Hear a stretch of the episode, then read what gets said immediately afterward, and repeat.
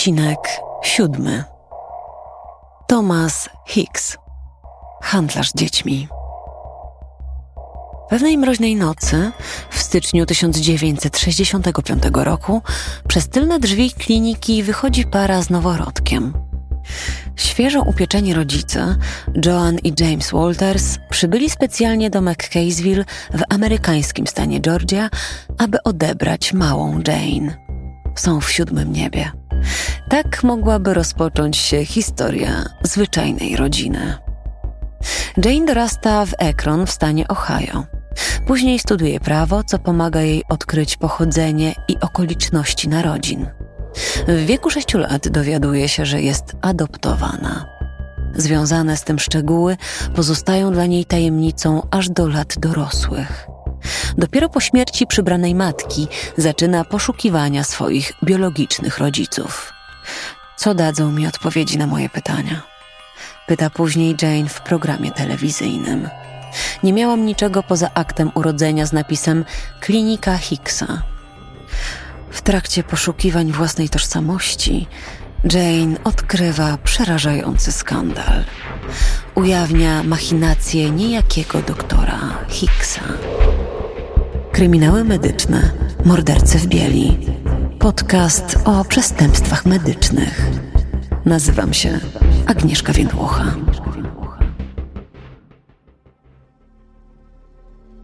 Thomas Hicks z McCaysville w stanie Georgia zostaje oskarżony o przeprowadzenie zabiegów aborcyjnych we własnej klinice w latach 50.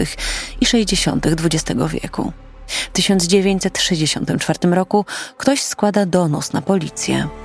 Aborcje w USA są bowiem w tym okresie nielegalne.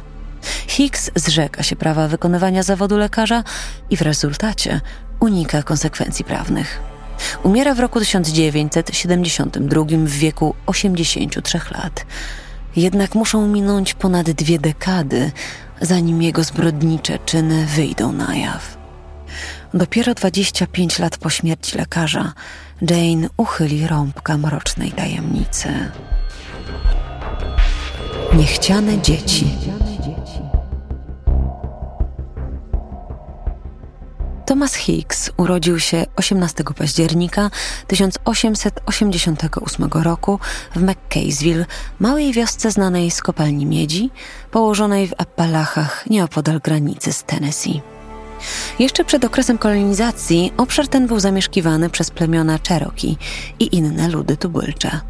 Kiedy Thomas przychodzi na świat, wioskę zamieszkuje zaledwie tysiąc osób, podobnie jak dziś. W Zagłębiu Miedziowym, które obejmuje również McCaysville, doszło do tego, że panuje tak wielkie ubóstwo, że każde kolejne dziecko oznacza jeszcze jedną gębę do wykarmienia. Tymczasem wielki świat rozwija się w zastraszającym tempie.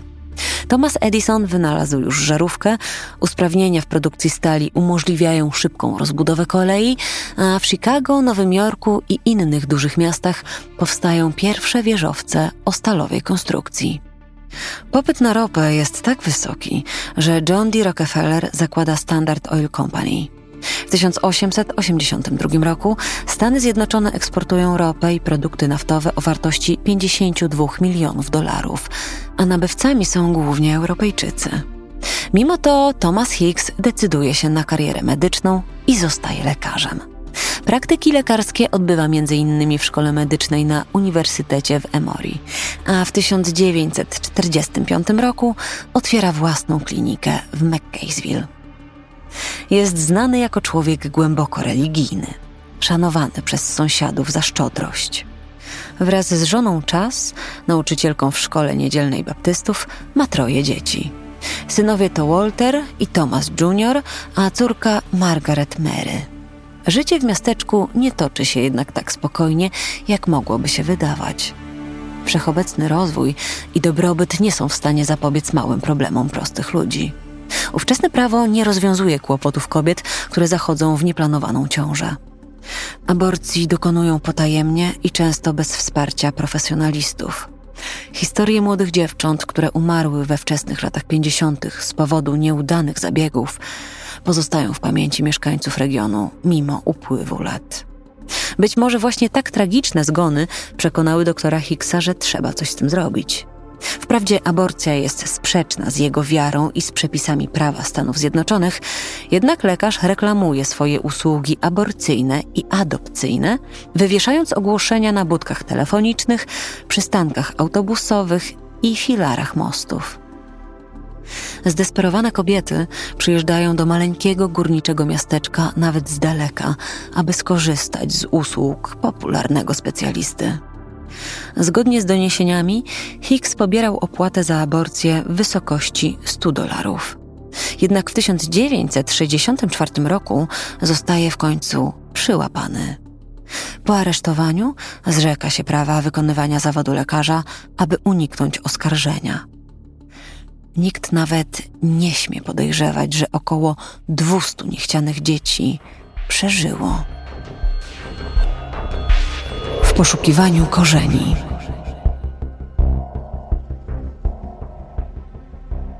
W 1971 roku cały świat sześcioletniej Jane staje na głowie. Dziewczynka bawi się na podwórku, gdy ojciec James woła do domu ją i jej jedenastoletnią siostrę Michelle. Chcemy wam coś powiedzieć.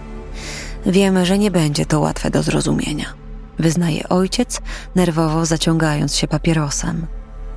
Jane dobrze pamięta tę chwilę. Razem z siostrą siedzą przy kuchennym stole, a napięcie rośnie. Gdy ojciec szuka odpowiednich słów, jego żona Joan, matka dziewczynek, oświadcza krótko: Adoptowaliśmy was.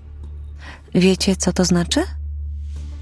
Mała Jane nie ma bladego pojęcia.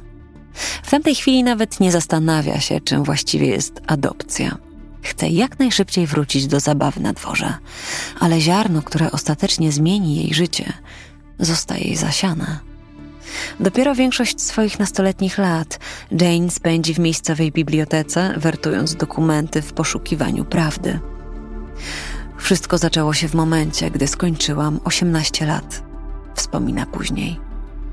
Ta dziwna podróż poprowadziła mnie w najróżniejsze miejsca. Od rozmów telefonicznych, przez poszukiwania w internecie, chodzenie od drzwi do drzwi, nocne spotkania na parkingach i badania DNA, aż na czarny rynek. Na początku Jane wie tylko tyle, że urodziła się w McCaysville. Potwierdza to jej akt urodzenia. Jednak dokumenty wskazują również Joan i Jamesa Waltersów z Ekron w stanie Ohio jako biologicznych rodziców dziewczyny i jej starszej siostry. A przecież już jako dziecko dowiedziała się, że nie może być to prawdą. Jane, która dzisiaj nosi nazwisko Bleżio, wyrusza więc w podróż, by odnaleźć swoich biologicznych rodziców. Żąda od ojca, by powiedział jej prawdę. Opiekun wyznaje, że jej ciotka Elis opowiedziała im o pewnym doktorze Hicksie i jego klinice. Dlatego James zabrał cierpiącą na bezpłodność żonę do McCaysville. W 1988 roku 23-letnia Jane, której matka adopcyjna umiera w międzyczasie na raka, odbywa pierwszą podróż do miejsca swoich narodzin. Wioskę odwiedzi później jeszcze wiele razy. Na tym etapie badań Jane Bleggio nie podejrzewa jednak, że ujawni nieopowiedziane historie. Wiele innych tak zwanych dzieci Hicksa również prowadziło poszukiwania swoich biologicznych rodziców.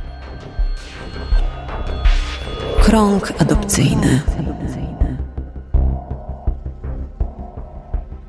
Kiedy dr Thomas Hicks w 1964 roku rezygnuje z praktyki lekarskiej, tylko nieliczni wiedzą, że nie usunął on wszystkich niechcianych ciąż.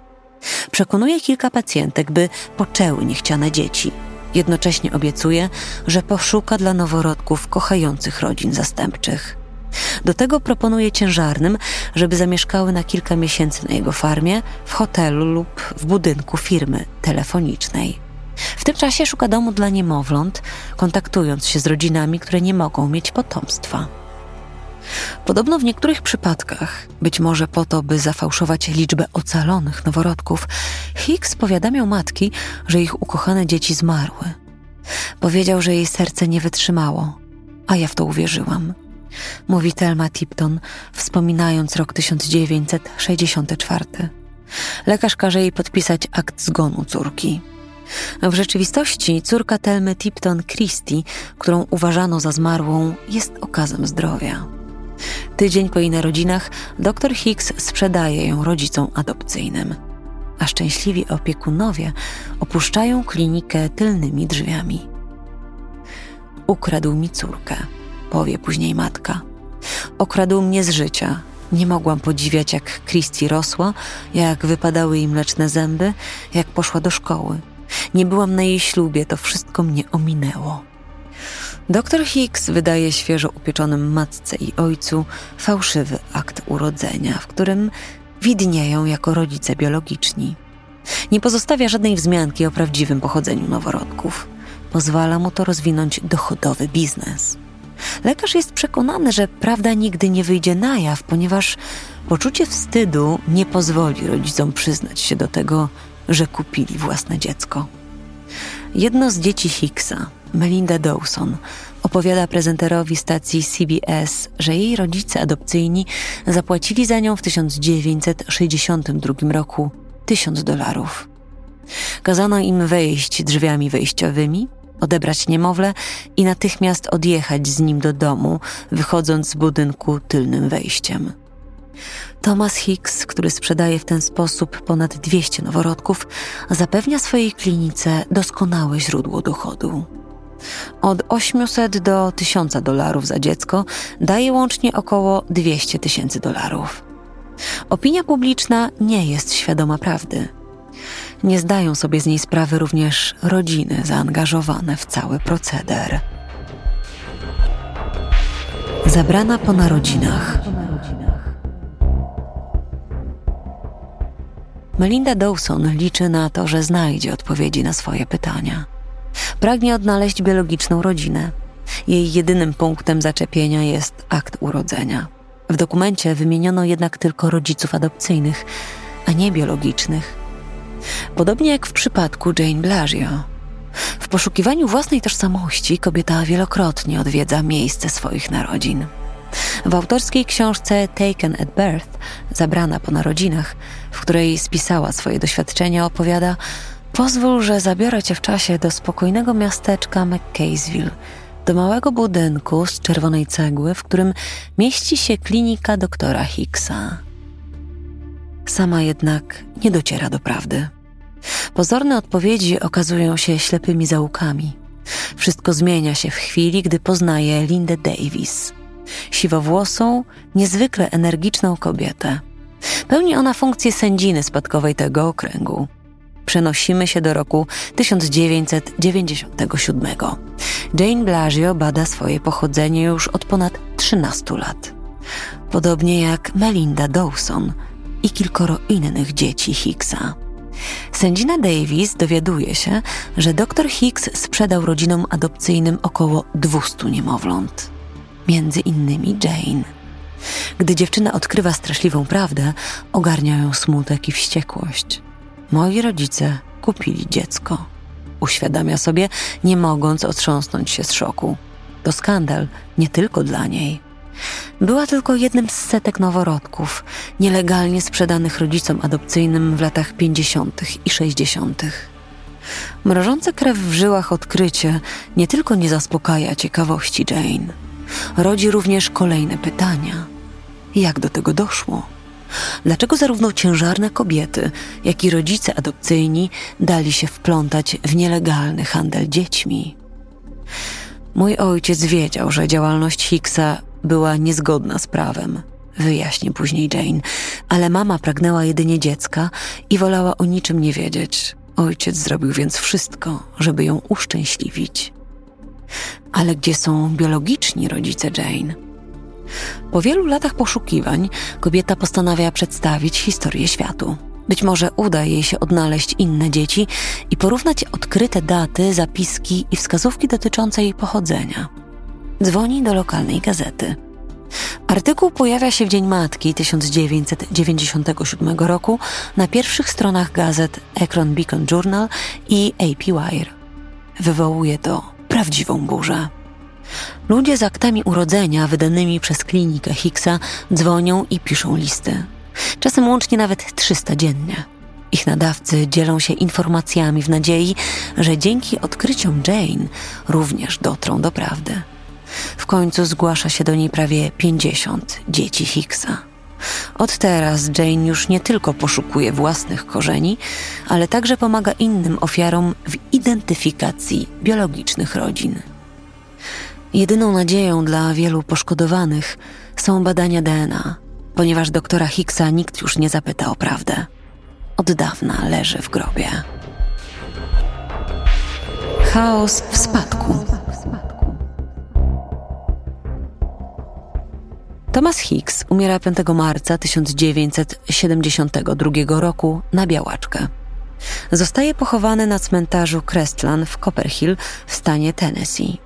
Cmentarz położony jest na wzgórzu z widokiem na zielono-niebieskie szczyty pasma błękitnego Appalachów. Znajduje się tu duże kamienne mauzoleum noszące nazwisko Hicksa.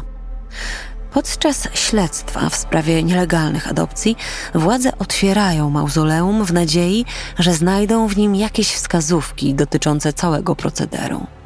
Przy otwarciu obecna jest również sędzina spadkowa, Linda Davis.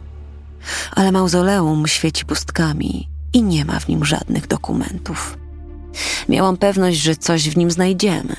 Wszyscy obecni podczas otwierania mauzoleum byli bardzo podekscytowani, ale grób okazał się pusty. Niczego tam nie ma. Wyjaśnia później zainteresowanym zdumiona Linda Davis. W mauzoleum brakuje również trumny Hicksa. Lekarz został pochowany tuż obok. Na jego nagrobku widnieje napis Za twój bystry umysł kochaliśmy cię bardzo, ale jeszcze bardziej za twoje serce, które było łagodne i życzliwe. Ci, którzy stali się częścią niecnego procederu, mają zgoła inne zdanie na temat charakteru doktora Thomasa Hicksa. Melinda Dawson przyznaje: Zawdzięczam mu życie, ale sprawił innym dużo bólu i cierpienia. Pozostawił po sobie prawdziwy chaos. Jeszcze inni są zdania, że Hicks był po prostu usługodawcą. Dostarczał to, na co był popyt. Jane Blagio pisze na swojej stronie internetowej – Doktor Hicks nie był świętym. Wiemy, że popełnił błąd i zadał ogromny ból wielu ludziom. Nauczyliśmy się go znosić. Trudno jej się jednak pogodzić z niepewnością. Odpowiedzi dla Jane. Kiedy w 1997 roku prawda o nielegalnym kręgu adopcyjnym Tomasa Hicksa wychodzi na jaw, rozpisują się o niej wszystkie media. Gazety i programy telewizyjne przedstawiają również daremne wysiłki Jane, która pragnie odszukać własną rodzinę. Wtedy kobieta otrzymuje telefon. Zgłasza się niejaka Kerlin, pracowniczka socjalna z małego miasteczka Turtletown w Tennessee, która widziała Jane w telewizji. Kerlin opowiada jej o byłej klientce, która wyglądała tak samo jak ona. I w styczniu 1965 roku urodziła w miejscowej klinice dziewczynkę, a potem ją oddała. Kiedy Jane odwiedza Kerlin w Turtletown i przechadza się po jej zadbanej werandzie z wiklinowymi meblami, ma nadzieję, że jej poszukiwania wkrótce dobiegną końca, a trud się opłaci. Rozczarowanie jest jednak wielkie. Okazuje się, że 10 lat temu matka dziewczyny zginęła w wypadku samochodowym. Miała na imię Kitty, opowiada Kerlin. Jako pracownik socjalny, Kerlin przez lata opiekowała się zaniedbanymi dziećmi i maltretowanymi matkami. Troszczyła się również o Kitty, która urodziła Jane, gdy sama była jeszcze dzieckiem, w wieku zaledwie 15 lat. Po porodzie oddała niemowlę do adopcji. O swojej córce wiedziała tylko tyle, że trafiła do Ohio. Nigdy jej nie szukała. W przeciwieństwie do samej Jane. Jako najmłodsze ze znanych dzieci Hicksa, pracuje obecnie jako prywatny detektyw i jest uważana za eksperta od czarnego rynku adopcyjnego. Poszukiwania swoich korzeni kończy dopiero wtedy, gdy po wielu latach poznaje tożsamość biologicznego ojca. Pomaga jej w tym test DNA z pokaźnej bazy genów Ancestry oraz parę informacji uzyskanych okrężną drogą. Tatą Jane jest niejaki Herbert Claude Cruz. Niestety, dziewczyna i jego nigdy nie zobaczy, ponieważ zmarł wcześniej, podobnie jak matka. A co z kliniką Hicksa w McCaysville? Od wielu lat jest zamknięta, chociaż budynek jeszcze stoi. Znajduje się na placu i sąsiaduje z pizzerią oraz restauracją z grillowanymi potrawami. Pomiędzy lokalami, na popękanych ceglanych ścianach, rośnie bluszcz. Miejsce to odwiedza wielu dorosłych. Pragną oni ujrzeć tylne drzwi, przez które sprzedano ich w niemowlęctwie. W oknie wisi wyblakły szyld do wynajęcia.